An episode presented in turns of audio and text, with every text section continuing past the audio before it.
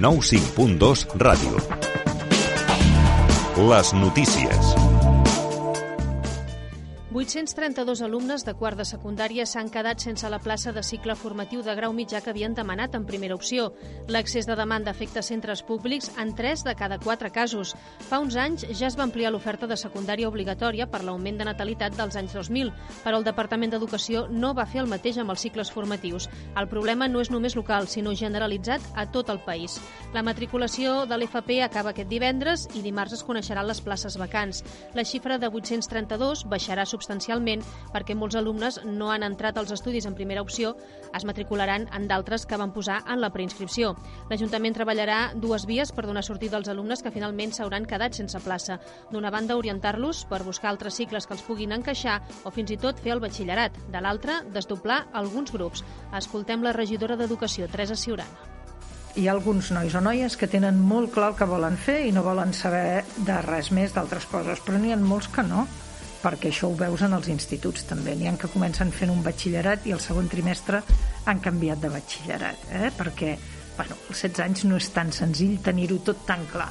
I n'hi ha que sí, que ho tenen molt, però n'hi ha que no, que podrien fer altres opcions. Per abordar el dèficit de places, Teresa Ciurana es reunirà la setmana que ve amb la directora dels Serveis Territorials d'Educació al Vallès Occidental i ja hi ha demanada una trobada amb el conseller. Una setantena de persones ha baixat des del Pla del Bonaire fins al centre en manifestació per protestar contra el tancament d'oficines bancàries. Lluinten perquè no tanqui la sucursal del BBVA de l'Avinguda del Parlament. De la mateixa entitat estan condemnades al cessament d'activitat dues oficines més aquesta setmana. El veïnat denuncia que per sobre de l'Avinguda Bat Mercet només en quedarà una, la de la Rambla Francesc Macià, i això comportarà moltes dificultats per la ciutadania, sobretot a la gent gran. Ho explica el president de l'Associació de Veïns i Veïnes del Pla del Bonaire, Luis García.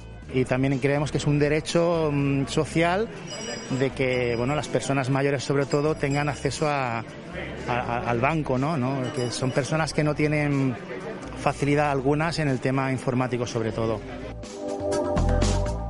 Demanen una banca pública i que el Banc d'Espanya actui. Volen també que les administracions públiques exigeixin als bancs que mantinguin les sucursals obertes.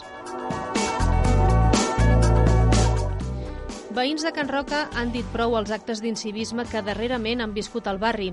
Vidres de cotxes trencats, carreres il·legals a la ronda de Ponent, deixalles fora dels contenidors i gairebé cada nit trobades de joves a les places i als carrers, especialment a la plaça Diupons i Creixell i al voltant de l'escola Serra de l'Ubac, on deixen un rastre de brutícia i desperfectes, com recentment una brana trencada.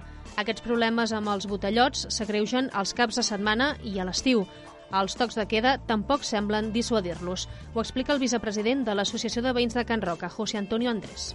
Era un barri molt tranquil i no diria que des de que està l'institut, no, no diria això, però ben bé, des que està l'institut sí que ha vingut molta més gent i bueno, la trobada és aquí a l'institut. Anem a l'institut de Can Roca, vinga, cap a dalt. És una zona tranquil·la, allà dalt, eh, no està vigilada, que ve la policia i fan ketchup. Eh, me'n vaig i, i quedo aquí. Claro, per la policia aquí se van cap allà. És molt difícil també per la policia, és normal. L'Associació de Veïns de Can Roca demana que restableixi la policia de barri i que s'instal·lin càmeres de videovigilància sobretot a les zones on hi ha contenidors i carrers i places concorreguts. Acabem aquí. Més informació en propers butlletins. Les notícies al 95.2 FM.